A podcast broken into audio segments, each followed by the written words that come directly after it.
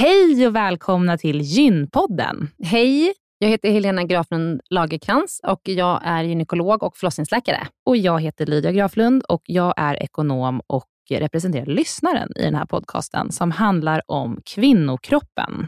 Det är vetenskaplig fakta om kvinnokroppen och det du hör i den här podden är det som man kan höra om man får träffa en läkare eller en barnmorska i ett eh, möte. Men ibland så bjuder vi in gäster som berättar om sina personliga erfarenheter och ibland är det också spekulation, men då är det verkligen tydligt att det är spekulation. Annars är grunden för den här podden vetenskaplig fakta om kvinnokroppen. Så är det. Hoppas att ni vill lyssna. Välkomna. Välkomna.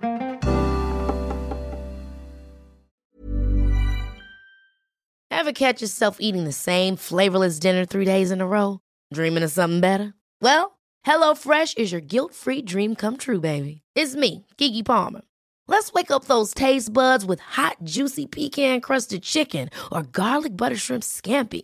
Mm. Hello Fresh. Stop dreaming of all the delicious possibilities and dig in at HelloFresh.com. Let's get this dinner party started.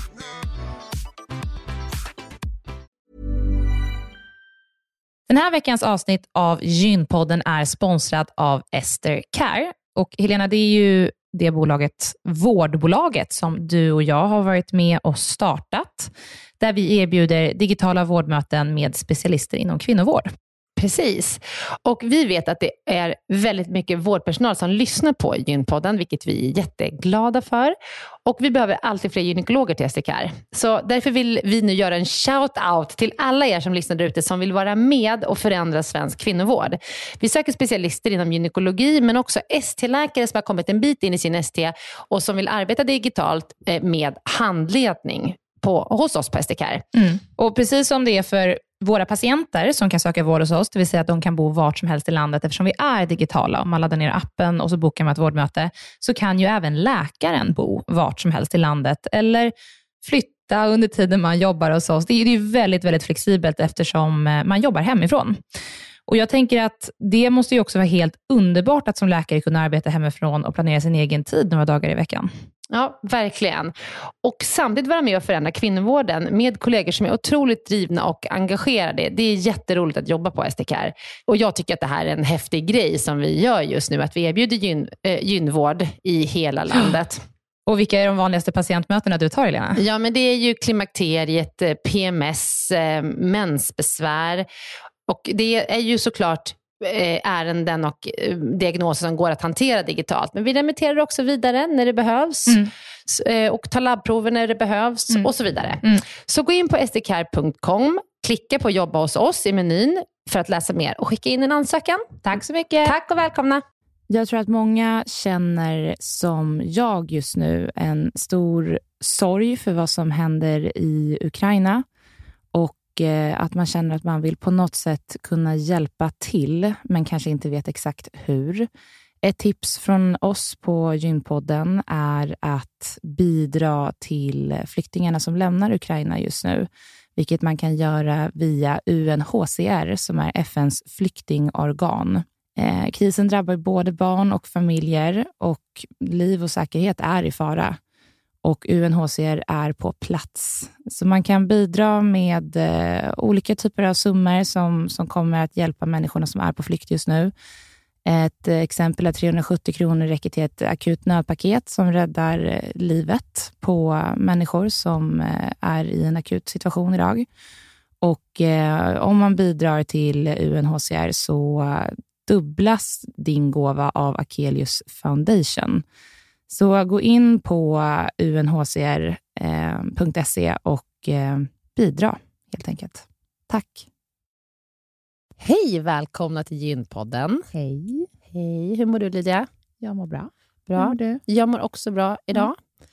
Vi ska ju prata om ett väldigt intressant ämne idag, nämligen infertilitet mm. och IVF. Mm. Vad står IVF för? Ja, in vitro-fertilisering. Har jag rätt, Carolina? Du har helt rätt. Ja, låt oss introducera vår gäst. Carolina Tristen, välkommen hit. Jättekul att vara här. Det är så kul att du är här. Eh, Carolina, du är ju specialistläkare inom gynekologi och förlossningsvård, Mm. men har eh, under jättemånga år bara arbetat med IVF. Stämmer det? Det är så många år så att vi tänk, jag tänker att jag inte ens berör det längre. Men jag har jobbat jätte, snart 20 år med det här. Snart, skulle du fortfarande kunna förlösa ett barn och lägga en surklocka? Ja, men det tror jag. Ja. Alltså i ett nödläge. Det är Ja. inte så att jag skulle räcka upp handen och Nej. ställa mig där. Men jag tänker på det ibland, så tänker jag att just de praktiska sakerna skulle... De sitter kvar. de sitter nog kvar. Mm. Eh, Du arbetar på IVF-kliniken på Sofiahemmet här i Stockholm och så är du författare till en bok som heter Ditt fertila liv som släpptes för några år sedan. Ja, två år sedan Två år faktiskt. Ja. Och som berör jättemycket som handlar om just fertilitet, infertilitet, hormoner.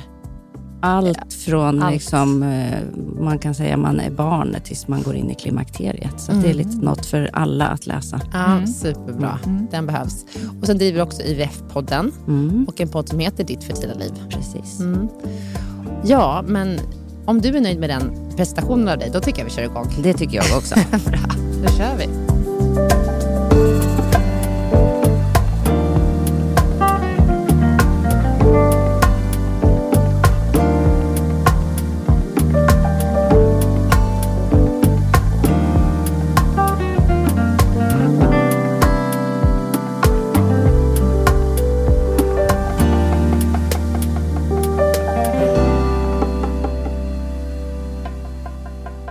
Ska vi börja med att eh, fråga dig, hur definieras infertilitet?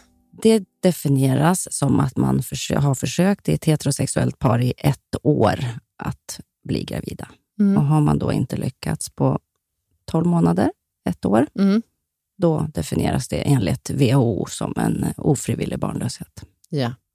Och det här med att försöka, det får vi, har vi fått en del frågor om. Vad är liksom ett aktivt försökande under Just det. 12 månader? Ja, men Mm. det, det här tycker jag också är jätteintressant. Därför Mm. att eftersom jag träffar de här paren som kommer till mig, då kan de ju säga att vi har försökt i mer än ett år, de, Mm. i 14 månader. Jaha, och så säger jag så här, hur länge har ni varit tillsammans? Vi har varit tillsammans i och så länge. Ja, och så slutade jag med p-piller för tre år sedan, eller för två år sedan, eller tog ut spiralen. Eh, och sen har vi inte blivit gravida. Och Då brukar jag fråga, skyddade ni er när du slutade med p-piller eller spiral? Svar nej. Hade ni ett samliv?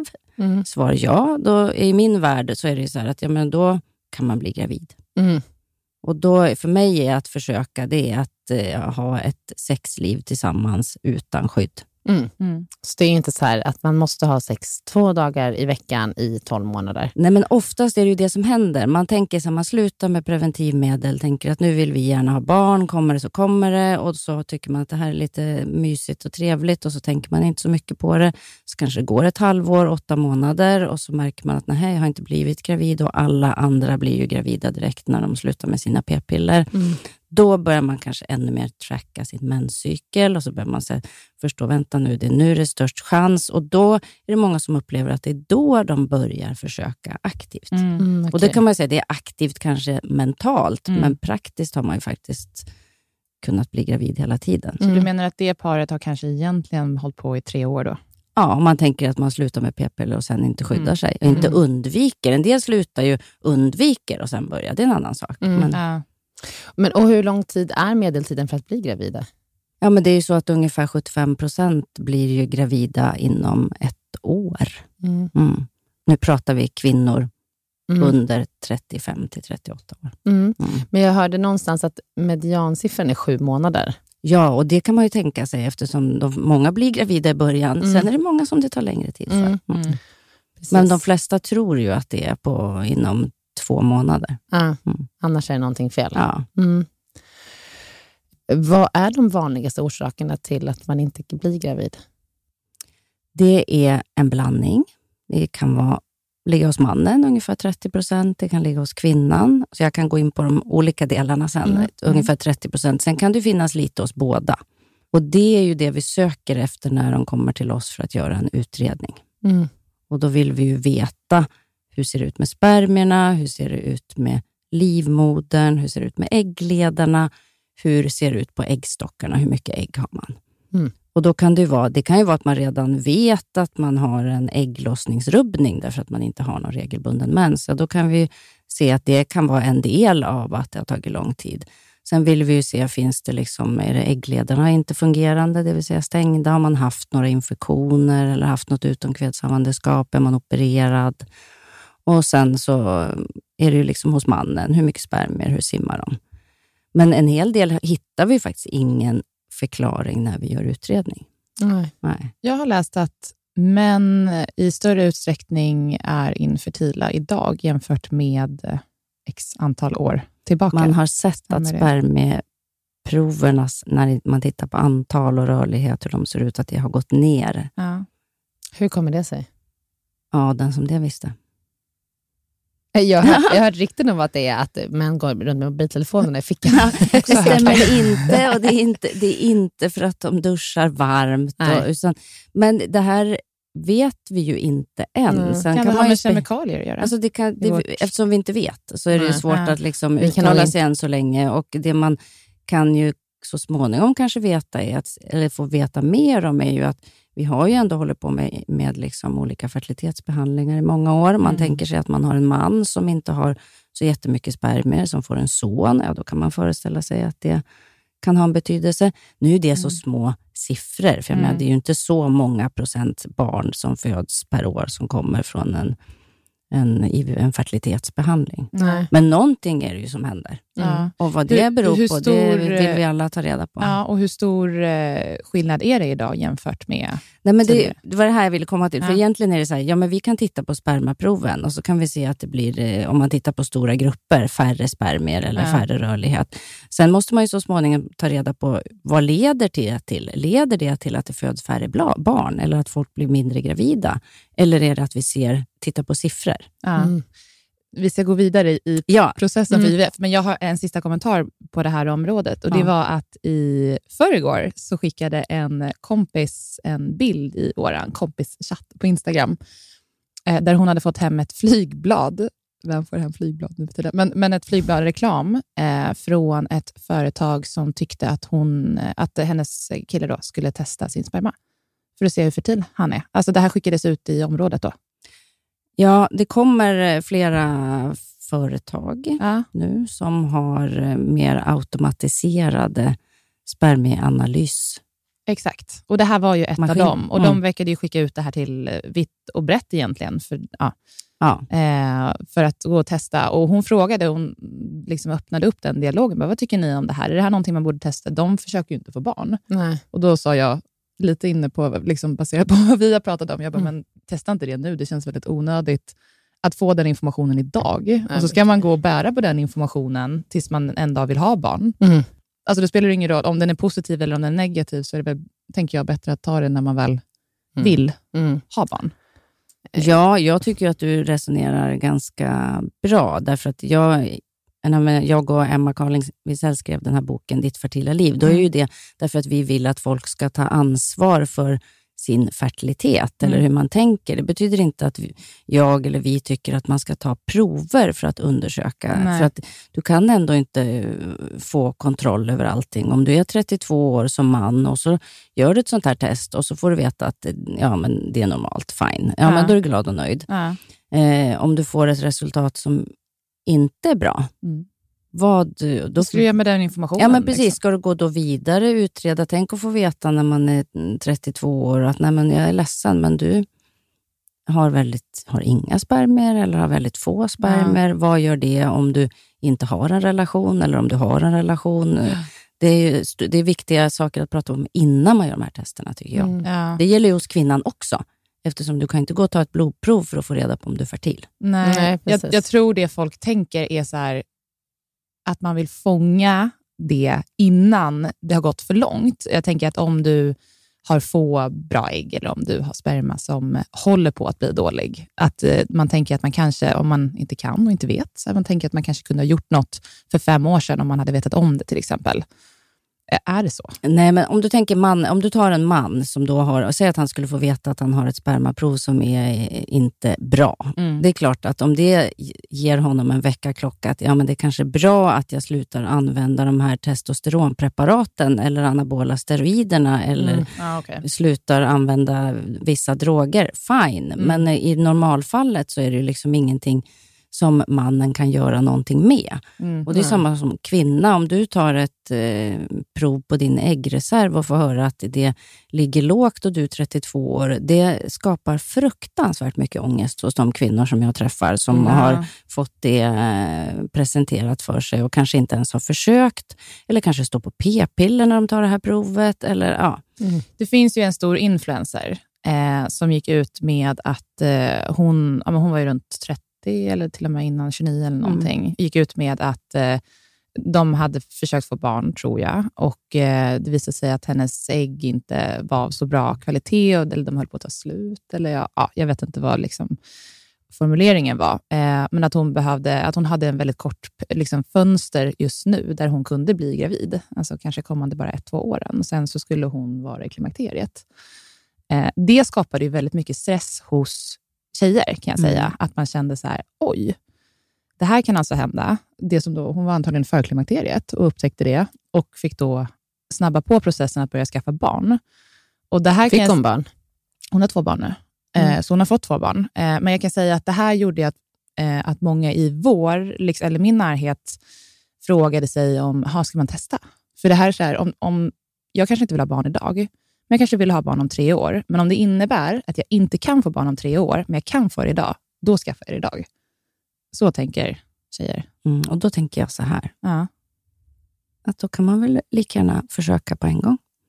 Därför att det är så här, du kan ta ett blodprov och sen eh, så är, ligger det helt normalt. Det, om tre år, om du tar det när du är 35 Mm. och det ligger jättebra och så tänker jag, men då kan jag vänta några år tills jag är 39 eller 38.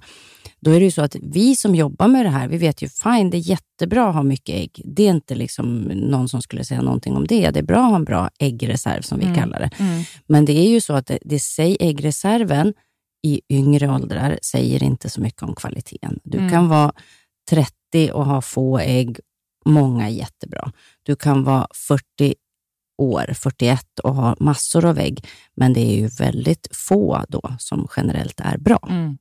Så att det, det kan ju också skapa en falsk trygghet och det Just kan det. skapa stor oro. Så att alltid när man gör de här sakerna, då tycker jag att man ska tänka, vad ska jag göra, vad ska jag göra med den här informationen? Ja. Säg att du är singel och 32 år, du har ingen relation. Eh, om du då tar ett spermaprov eller ett äggreservsprov Mm. och får ett svar som inte känns bra, Vad ska du göra med det? vad ska du göra Mm, med den precis. informationen? För att spara dem. Ja, men det kostar mycket pengar. Mm. Det är inte för de allra flesta eh, människor. Det Mm. är, är ju ett jättebra sätt att kunna liksom ha en försäkring, absolut. Men det, det är ju inte så att eh, majoriteten av eh, 34-åringar, kvinnor i Sverige, Gör kanske det. har den ekonomin. Nej.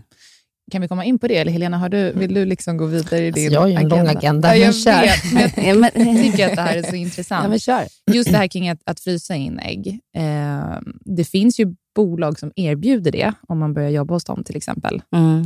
Eh, att man kan få frysa in ägg om man Mm. är karriärskvinna hos dem. Och De ser det ju som en förmån, att det är en fördel. Och Det här blev ju jättekontroversiellt. Det här är ju ett svenskt bolag Mm. som, är, som finns i hela världen. Och De ser det ju inte som att... Så här, alltså man kan ju se det ur två perspektiv. Det Mm. ena är att man uppmanar kvinnor till att vänta för att du ska jobba på Ja. eh, i din karriär. Eh, och att de hjälper en för det, eh, att skjuta på familjeliv och att det Mm. blir någon sorts kanske skuld då kring att du faktiskt går och skaffar barn. Mm. Eh, å andra sidan så är det ju många kvinnor, som eh, bland annat jag, som känner att man har en karriär och eh, man eh, skjuter lite på att skaffa familj och barn, för man vill inte det riktigt än. Men man kan känna en stress av att det finns en biologisk klocka om man är 30. Och eh, Det är väl den sidan de tar då, att så här, ja, men då kom och jobba hos oss, så kan vi hjälpa dig och så får du liksom göra det du vill och kanske ser det också som en jämställdhetsfaktor, att så här, du kan jobba på precis som män Mm. eh, och vi fryser in dina ägg och vi hjälper dig med det. Så jag tror att det är de två liksom perspektiven. Ja, och jag kan se kan se. både för och nackdelar. Nu kan ju jag då som min egen person bli väldigt störd, därför att jag tycker ju att eh, det, det är ju som regel, det vanligaste är, faktiskt ändå att det är en man och en kvinna som får barn tillsammans. Och då tänker jag så att då ska vi väl istället pinpointa vad är det som gör att eh, det blir ett hack i kurvan för den kvinnliga karriären.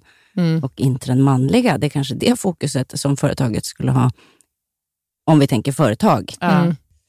Ja, nej, men jag intressant fattar att det är ändå. svårt och jag ser att det är dubbelt. Jag tycker Mm. liksom att jag tycker frysa ägg är, är liksom en fantastisk sak som man kan göra. Mm. Så att jag är positiv till att frysa ägg som en försäkring. Mm. En, de flesta sannolikt kommer inte använda sina frysta ägg därför att man kanske ändå kommer att få barn spontant den gången man försöker. Men som med andra försäkringar så, så ser jag liksom, ja men det kan väl ändå vara bra om man har råd, vill, tycker att det känns rimligt. Mm. Nu kan man spara ägg i tio år i frysen, eller hur? Nej, du kan, ja, du kan man kan för, förvara frysta embryon i tio år enligt Okej. lagstiftningen. När Mm. det gäller liksom frysta ägg Mm. så är det inte riktigt liksom samma lag. Nu gör inte vi det hos oss, så att det, Mm. de kliniker som gör det har ju bättre koll rent på det viset. Det handlar ju mer om när du ska föra tillbaka, för att du får inte föra tillbaka dem när du är 52. Nej, just det. Men vad kostar det att frysa ägg? Det kostar som en IVF-behandling. Mellan tummen och pekfingret, där får man ju gå in och titta. Det, men det är så här att när du gör en eh, privatfinansierad IVF-behandling, då kostar det runt, någonstans runt 40 000 kronor per gång. Mm. Och eh, sen så tillkommer medicinkostnad och gör man det här därför att man är, har en infertilitetsproblematik, då ingår ju de här dyra medicinerna i liksom det förmånliga högkostnadsskyddet för läkemedel som vi har i Sverige, så det är subventionerat. Men om man gör det här för en äggfrys, som ju är som av sociala skäl kan man säga, då får man betala medicinkostnaden. Och sen så kostar det när man så småningom ska använda och det finns en frysförvaringskostnad. Mm. De här siffrorna kan jag när det gäller äggfrys inte liksom i detalj på något Nej. sätt, men det är ju liksom det är möjligt att det kostar lite mindre att göra själva äggfrysen, men sen tillkommer ju behandlingen när du så småningom ska använda de här frysta äggen. Mm. Men, och, och hur ser det ut, utvecklingen av det här? För att jag, nu kanske det har med min ålder snarare att göra, men eh, på mitt förra jobb så var det en kollega till mig som var 34. Mm. Hon skulle åka och frysa in sina ägg, för hon var inte redo att skaffa barn just nu. Mm. Var skulle hon åka och frysa in sina ägg? tror att det var Uppsala. Okej, men i Sverige i varje fall. Ja, ja. Mm. Nej, men, Ja, men det är Sverige, så det har ju liksom utvecklats, skulle jag säga, kanske de senaste tio åren. Ja. Mm. Ja. När är det bäst att göra det? I vilken ålder? För jag har ju fått den frågan. Just Mm. för, att, eh, för att vi har startat bolag Mm. eh, och att man står inför att driva en startup. Och Det kanske inte är superkompatibelt med att skaffa familj och barn. Och Då fick jag en fråga, har du funderat på att frysa in dina ägg? Jag bara, Mm. ursäkta? Mm. Å andra sidan, om man ska frysa in sina ägg ska man kanske göra det när man är 30 snarare än när man är 35. ja, men har man inte gjort det när man är 30 så kan man göra det när man är 35. Alltså, de, vill ju, de som jobbar med det här, det är klart att kommer du dit och är 39 år, det är ju ganska liksom, låga chanser att det ska bli så bra sen. Så att de gör ju en utredning och gör en bedömning. Och så, så man kan säga så tidigt som möjligt. Så jag menar hellre 30 än 38. Ah, okay. Finns det någon optimal ålder? Under 35 skulle jag säga. Ah, all right.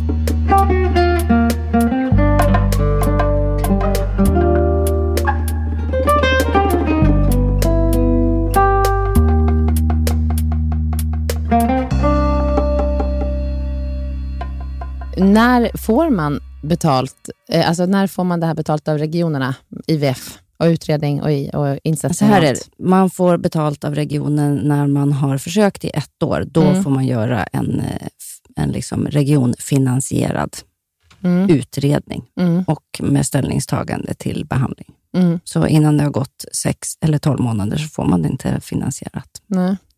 Och eh, hur och så är det många... åldersfaktorer. Ja, och vad är det för ålder? För under 40 som Mm. kvinna. Och eh, mannen får inte ha fyllt, om man pratar att få göra IVF så ska kvinnan vara under 40 och mannen ska inte ha fyllt 56. Hur, hur liksom, vad finns det för bevisbörda för att visa på att man har försökt i över ett år?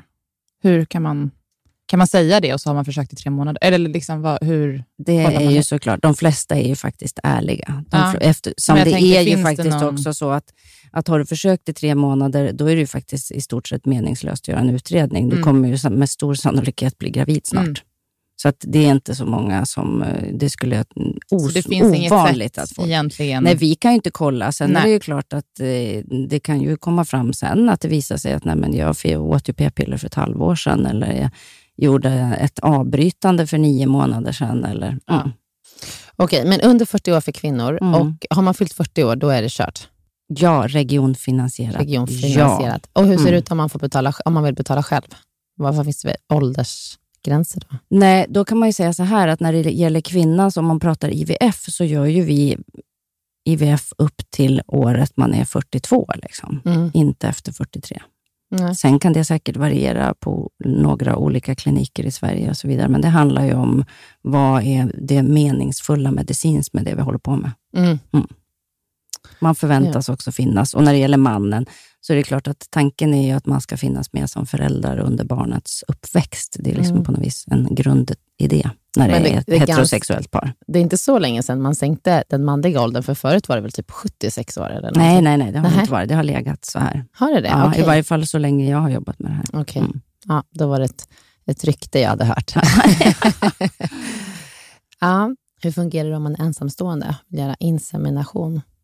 Ja, men då får man också göra, det är samma åldersgränser oavsett om du är ensamstående eller ett samkönat par eller heterosexuellt par. Mm. Mm.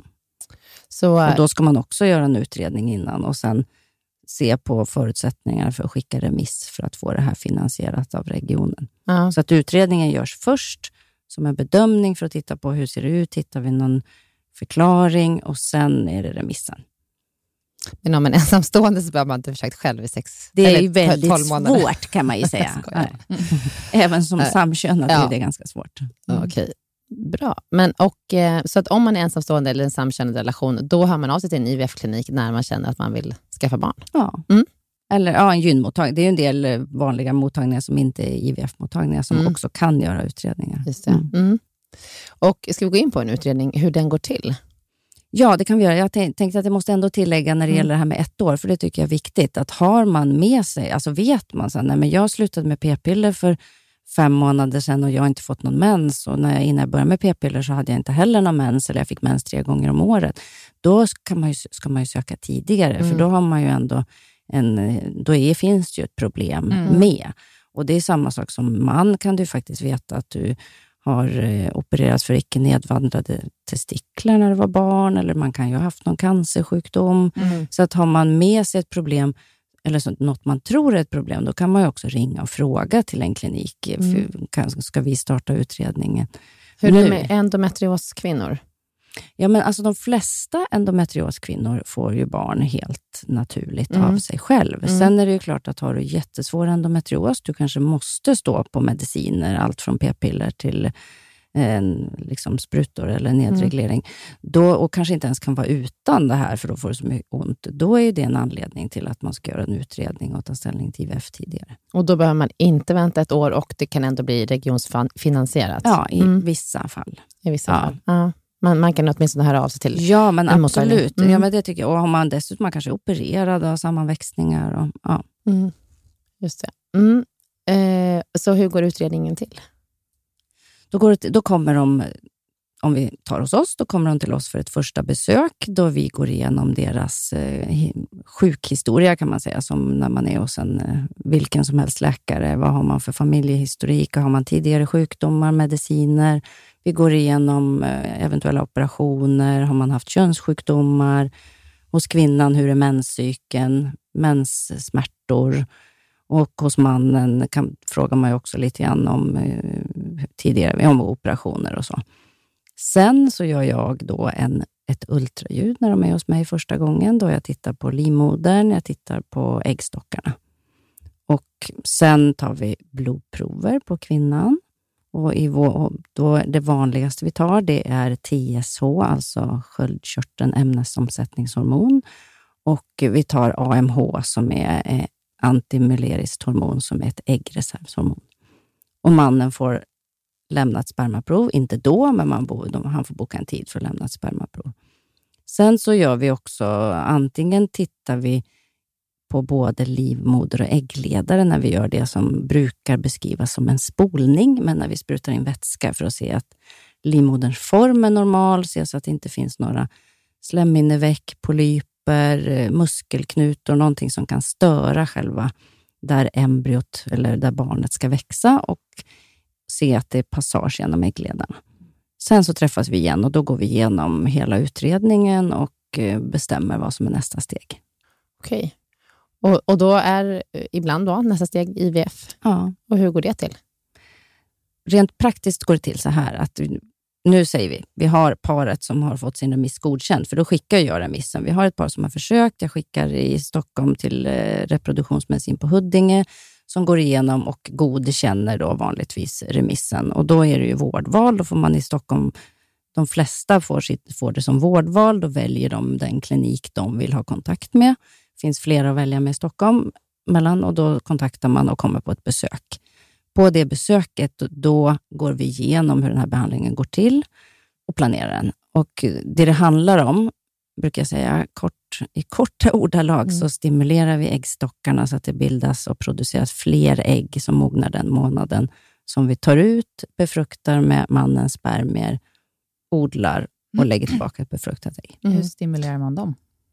Med äggstimulerande hormon i sprutform. Mm. FSH. Ja. Mm. Men, eh, och då tar man och plockar ägget. Mm.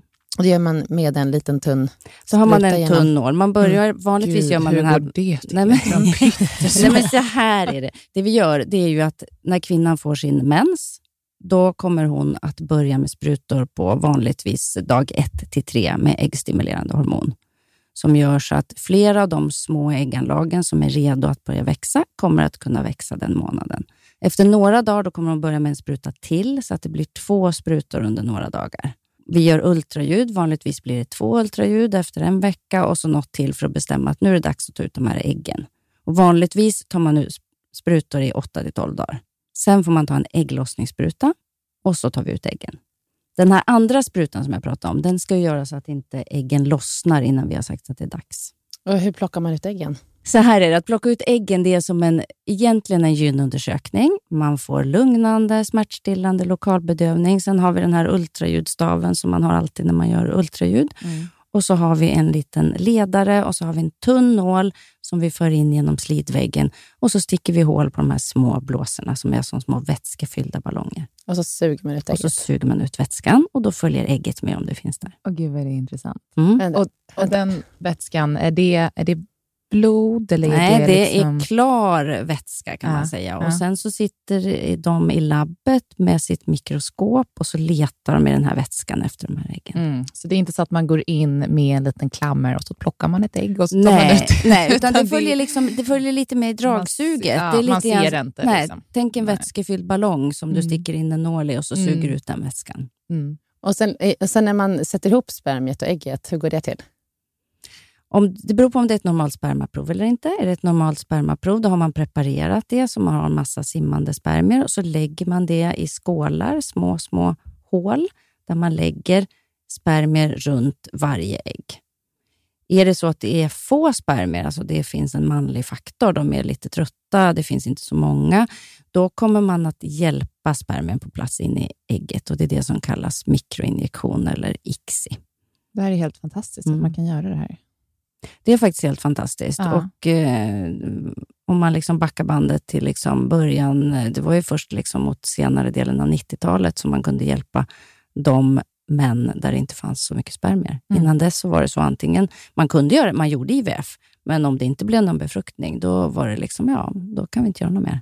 Så att det ju, mm, har ju gått framåt hela tiden. Ser det olika ut i olika delar av världen? Hur det här går till eller hur mycket man kan göra? Liksom, Nej, alltså grundprincipen är ju densamma. Ja. Alltså, det spelar ingen roll om du gör det här i liksom, eh, Thailand, USA eller Sverige, Sverige mm. så är det ju liksom, grunden är densamma. Man behöver få ut ägg och befrukta dem och mm. odla. Mm. Eh, men om man inte har fungerande ägg eller fungerande spermier så kan man få donation. Mm. Hur fungerar det? Ja, men då fungerar det så i Sverige att då har man gjort utredningen, man har blivit godkänd för att kunna antingen som par, alltså heterosexuellt par där mannen inte har några spermier, eller samkönad eller ensamstående. Då får man, kan man få donerade spermier. Och Det görs både vid de offentliga klinikerna och vid en hel del privata kliniker också. Både privat och eh, regionfinansierat. Och Då beror det på hur man ska göra det här. Ibland kan det vara så att man börjar med inseminationer. Mm. Om man har en liksom ung kvinna och inte har något fel med äggledarna så kan det ju räcka med att man gör insemination, det vill säga tajmar ägglossningen och sen för man liksom ett koncentrat av bra simmande spermier på plats i livmodern. Mm. Och Då är det en matchningsprocess. Så att om vi har ett par så försöker man ju matcha utifrån den andra parten. Mm. Ensamstående är det ju lite annorlunda. För då är det ju... Jag har en annan kollega Mm. som ville ha barn själv. Mm. Eh, för hon var ja, 34 och hade ingen kille och hon ville ha barn. Mm. Då åkte hon till Danmark. Ja, Danmark var ju väldigt tidigt ute med det här. De har ju Mm. hållit på i jättemånga år Mm. och har ju eh, byggt upp stora spermabanker. Och Det har ju varit det som har varit liksom det som har varit svårt i Sverige. Nu byggs det ju upp spermabanker och man har blivit bra på att rekrytera då både ägg och spermadonatorer. Så att det är betydligt fler som gör det nu i Sverige, så att det är inte lika långa väntetider som det har varit Så det tidigare. hade kanske med det att göra snarare än att hon inte kunde göra det här. Ja, precis. Och, men sen är det också så att man kan ju också... I, det är ju skillnad. I Sverige så är det ju så att rent lagstiftningsmässigt så har det varit i många år så har barnet rätt att ta del av sitt genetiska ursprung. När de har uppnått mogen ålder, som Mm. man då typ tänker är runt 18 år. Mm. Eh, Så att eh, då kan ju eh, faktiskt barnet, förutsatt att föräldrarna har berättat att det har tillkommit med donation, kontakta kliniken och få liksom veta, om, veta vem som är donator.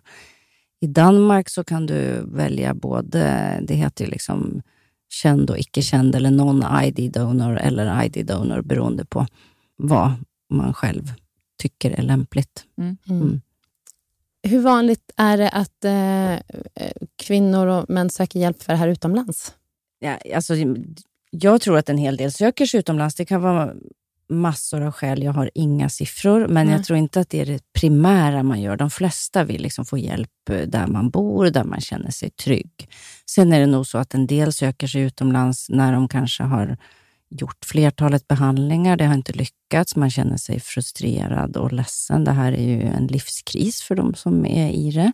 Det kan också vara en åldersfaktor. Menar, om du är kvinna och där vi menar att det inte är medicinskt rimligt att göra behandlingar och det är stora, också dessutom stora risker att vara gravid. Då kan det vara så att i andra länder så har man andra gränser. Då kan man Mm. söka sig dit.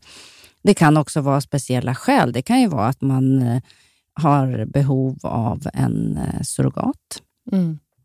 som ju inte är tillåtet i Sverige. Surrogatmamma är alltså att Ja. en annan mamma bär embryot i sin livmoder och föder det. Precis, Mm. och då kan det vara den egna, den, om det är ett par, par, man och en kvinna, då kan det vara kvinnans ägg, men det kan också vara ett donerat ägg och det kan vara donerade spermier. Och det kan ju vara också, om man tänker två män, då är det ju det, den, den möjligheten de har om de ska få barn. Men det kan också vara att man tänker att man eh, tänker att det finns mer möjligheter där, kanske titta på genetiska koden i embryona och så vidare. Varför är surrogatmamma förbjudet i Sverige, men inte utomlands?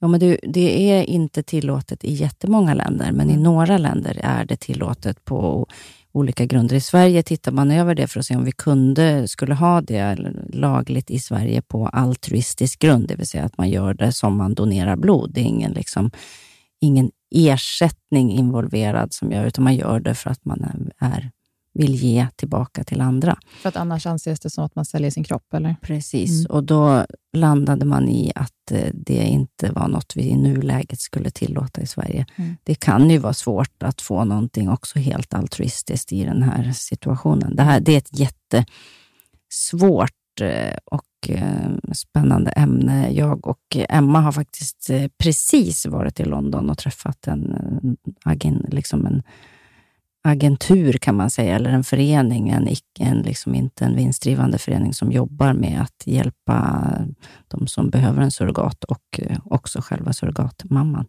Emma är, är den barnmorskan. som jag gör, har, som vi som har podden tillsammans. Ja. Mm. Jag har faktiskt en, en bekant, många bekanta. ja, det har du verkligen. Men jag har en bekant som eh, har försökt få barn i många år Mm. eh, och inte lyckats. Och där det pratas nu om att en fil- familjemedlem ska bära, bära Men det är ju inte tillåtet i Sverige. Det Nej, men de gör nog inte i Sverige.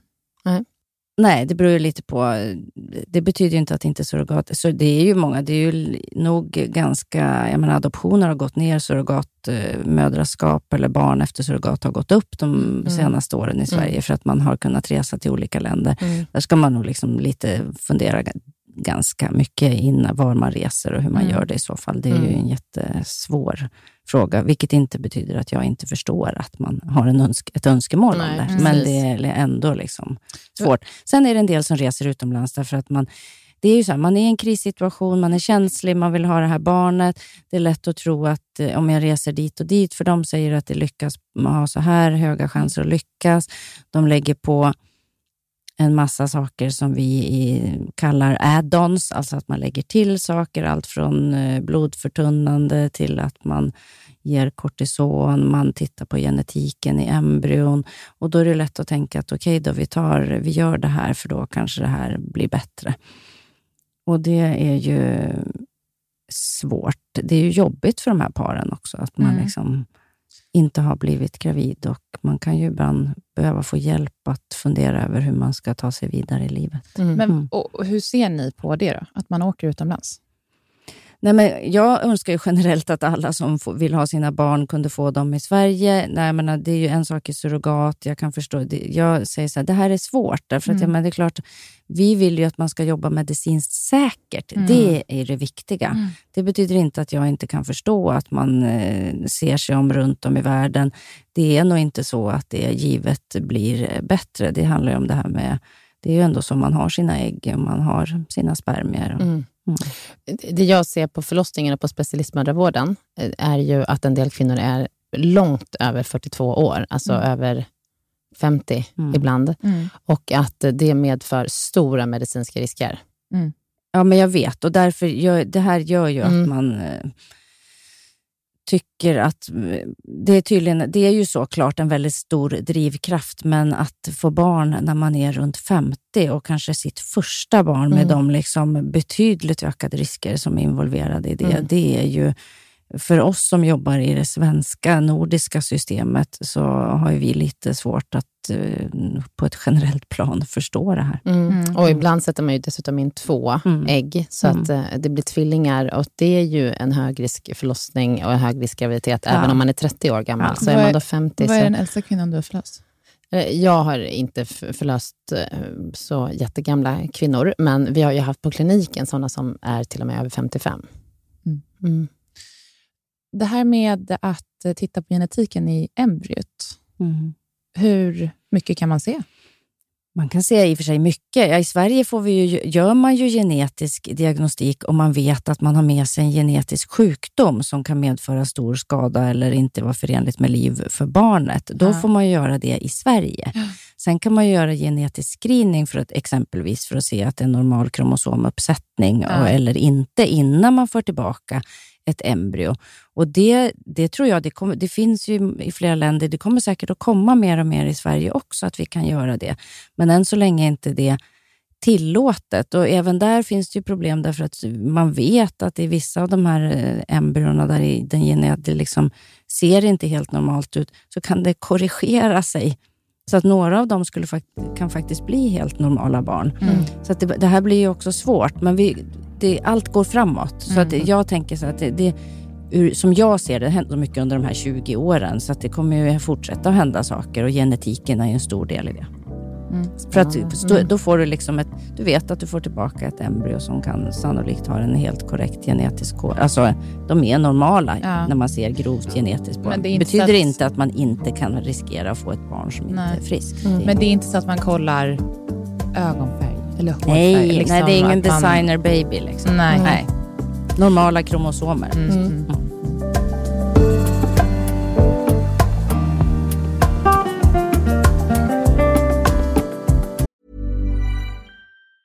Many of us have those stubborn pounds that seem impossible to lose, no matter how good we eat or how hard we work out. My solution is PlushCare.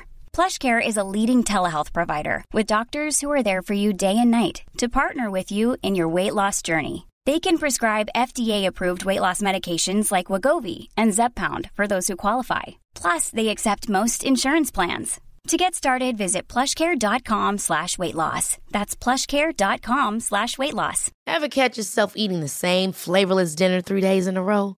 Dreaming of something better? Well, HelloFresh is your guilt-free dream come true, baby. It's me, Gigi Palmer. Let's wake up those taste buds with hot, juicy pecan-crusted chicken or garlic butter shrimp scampi. Mm. Hello Fresh. Stop dreaming of all the delicious possibilities and dig in at HelloFresh.com. Let's get this dinner party started.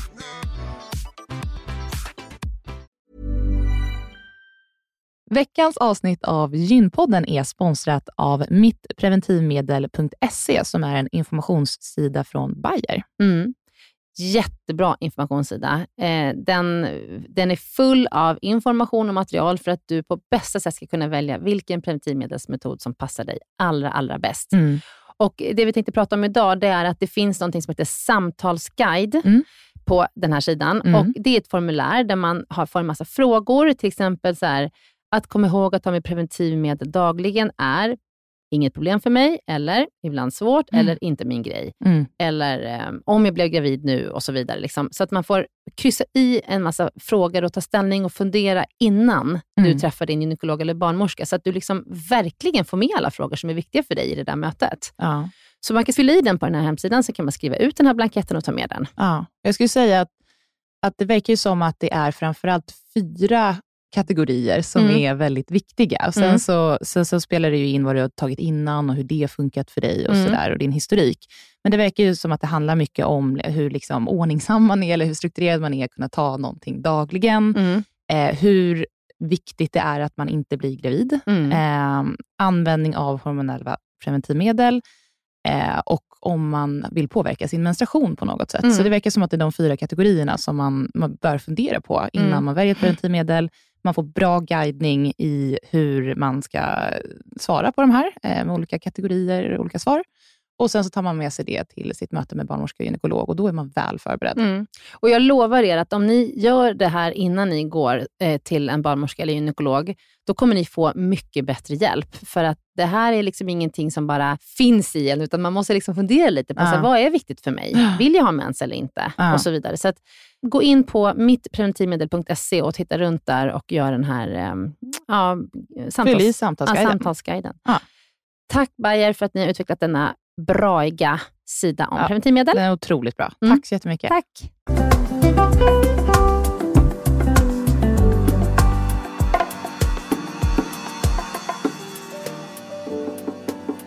Ska vi köra lite frågor? Mm. Mm. Vi har fått in eh, ganska mycket frågor på det här ämnet.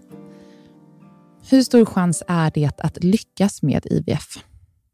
Ja, det är en bra fråga. Det beror, det beror på åldern Mm. i första hand. Alltså om du är under 36, då är ju chansen att lyckas, om du pratar ett försök, kanske 35-40 procent.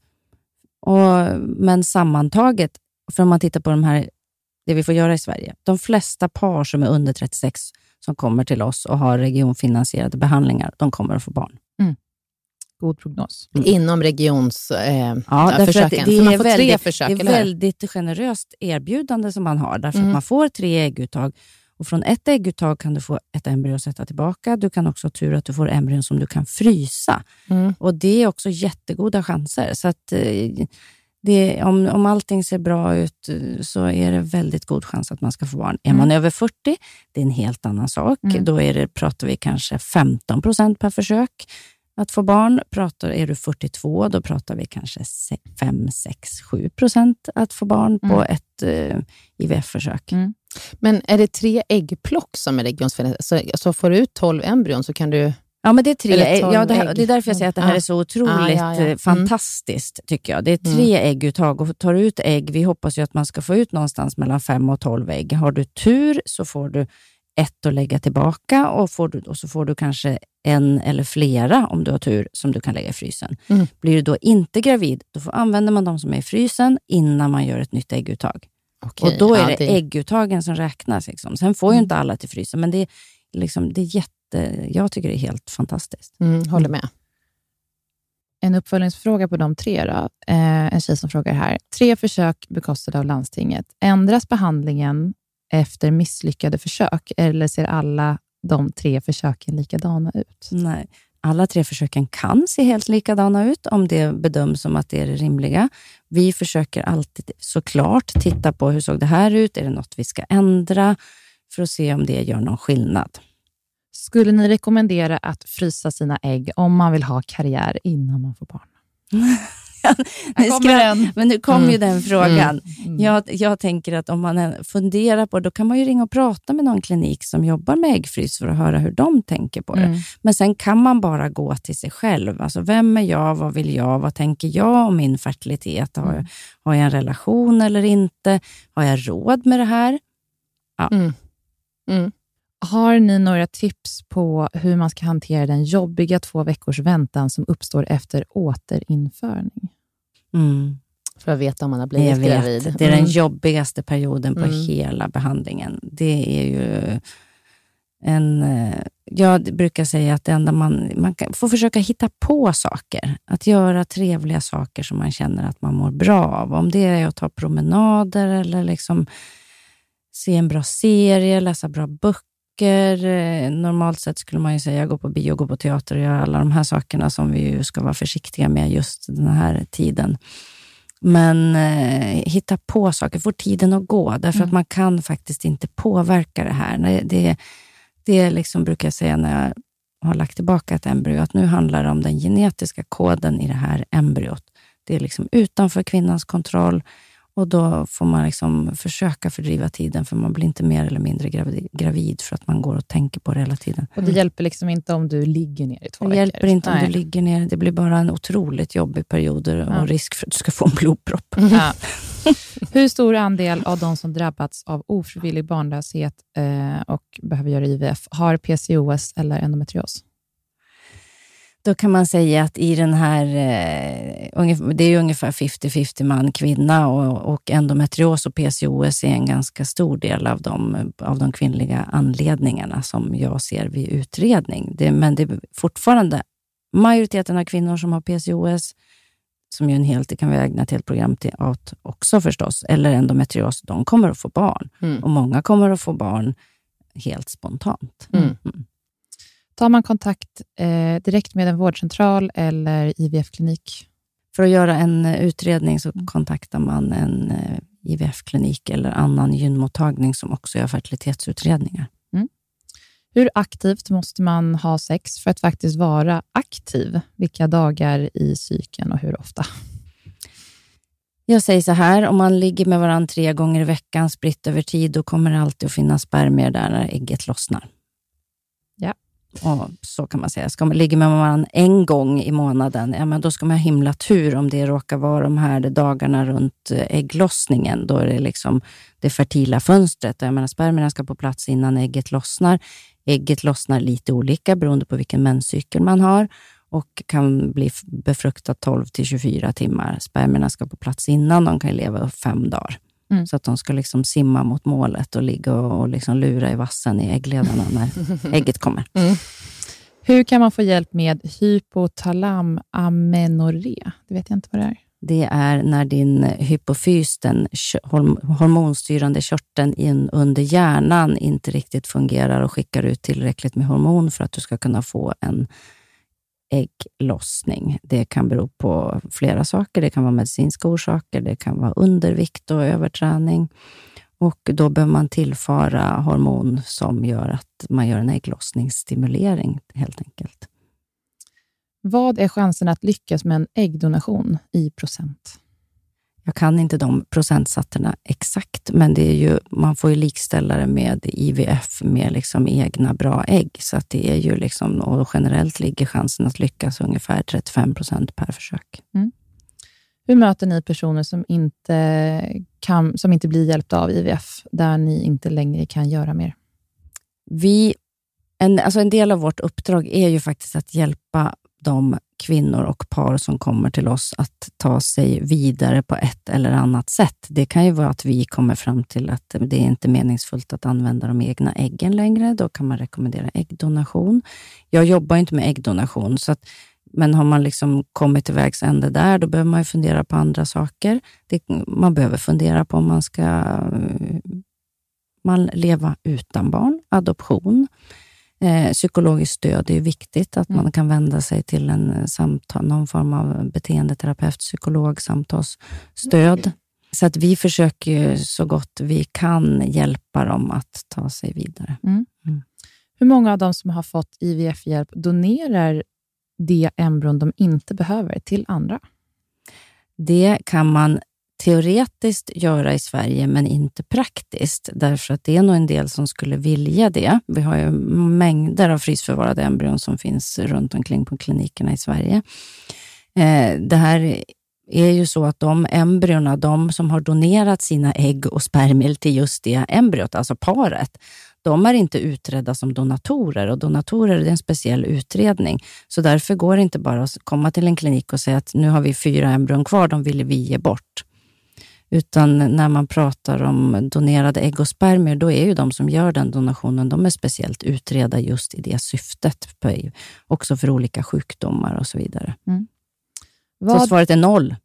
Noll. Ja. Okej, ja. Vad är QIVF? Vad, bety- vad säger resultaten om hur bra kliniken är? Eh, det är ett svenskt kvalitetsregister där alla kliniker är med och rapporterar. Det kommer ut en årsrapport varje år, så nu, vi rapporterar online nu. Jag skulle säga, om man tittar på de siffrorna, så är det ju allt, det finns alltid en spridning mellan olika kliniker, olika åldersgrupper. Eh, de flesta kliniker i Sverige är faktiskt ganska likvärdiga, skulle jag säga. Vi jobbar på väldigt lika sätt.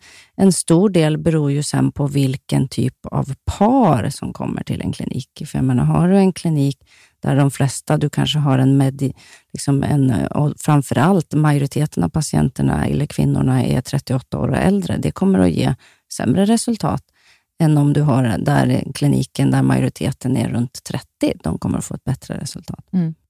Den här frågan har vi redan varit inne på. Hur ser ni på äggfrys av sociala skäl? Är det vettigt eller är det lurendrejeri?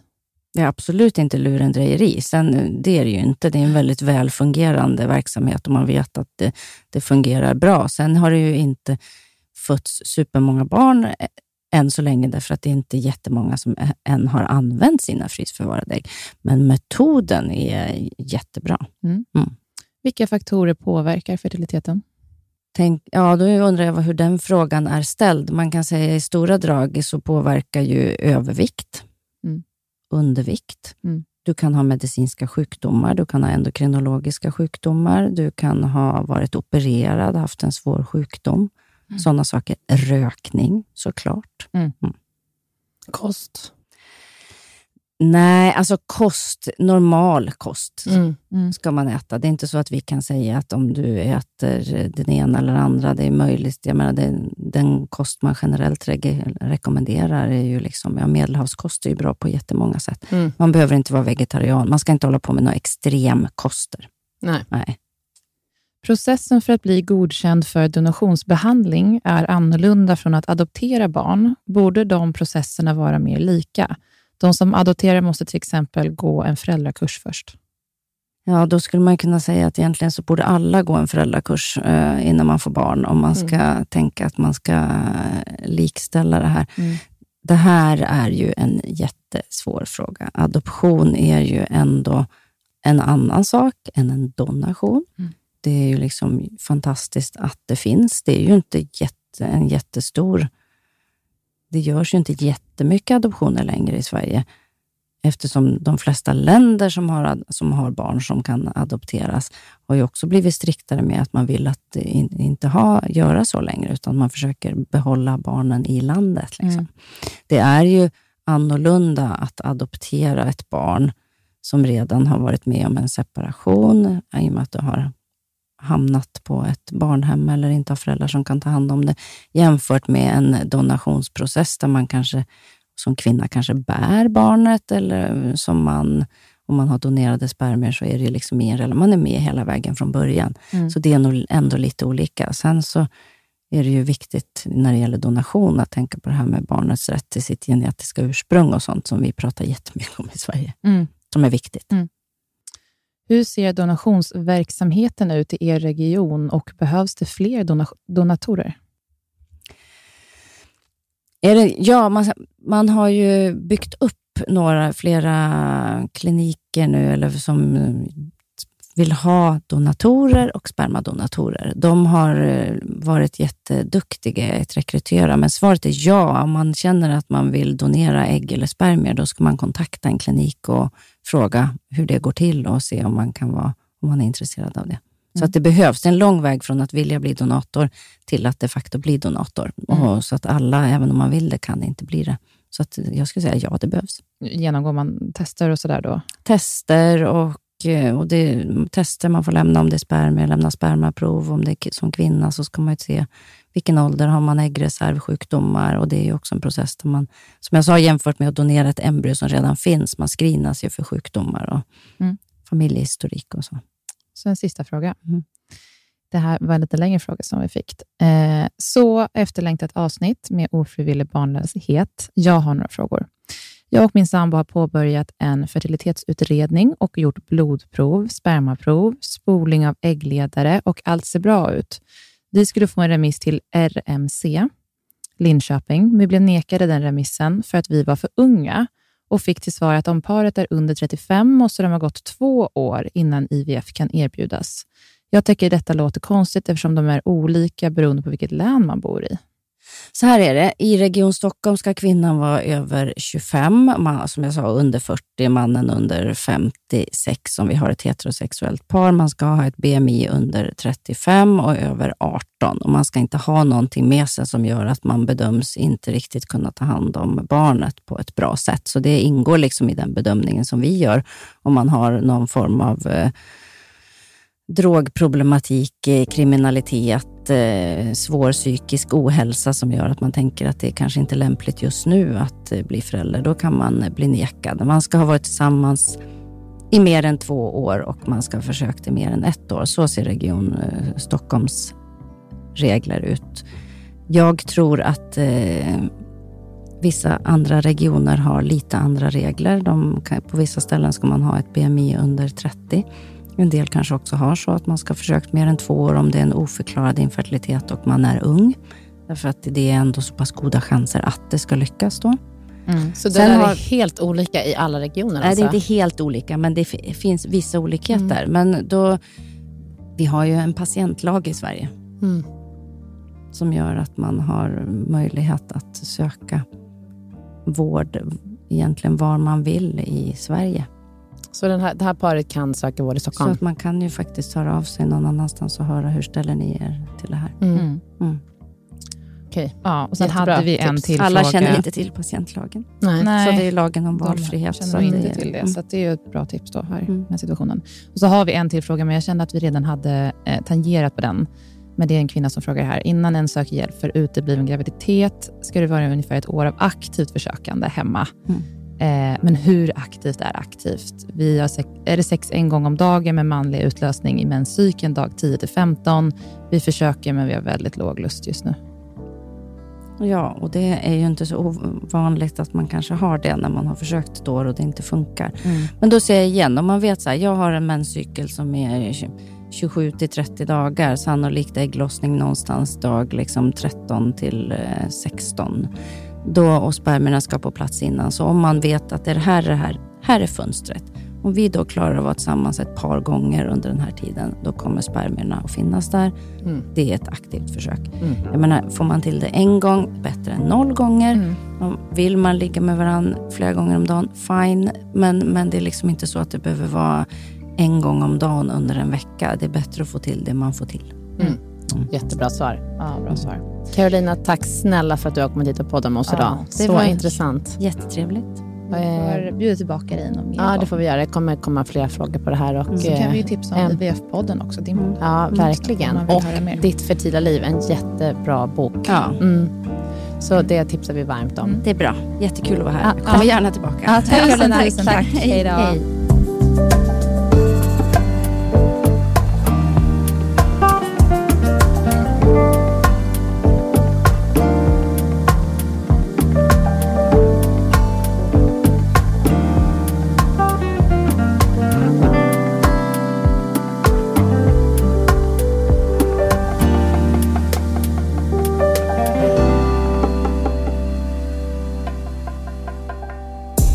podcasten är producerad av Perfect Day Media.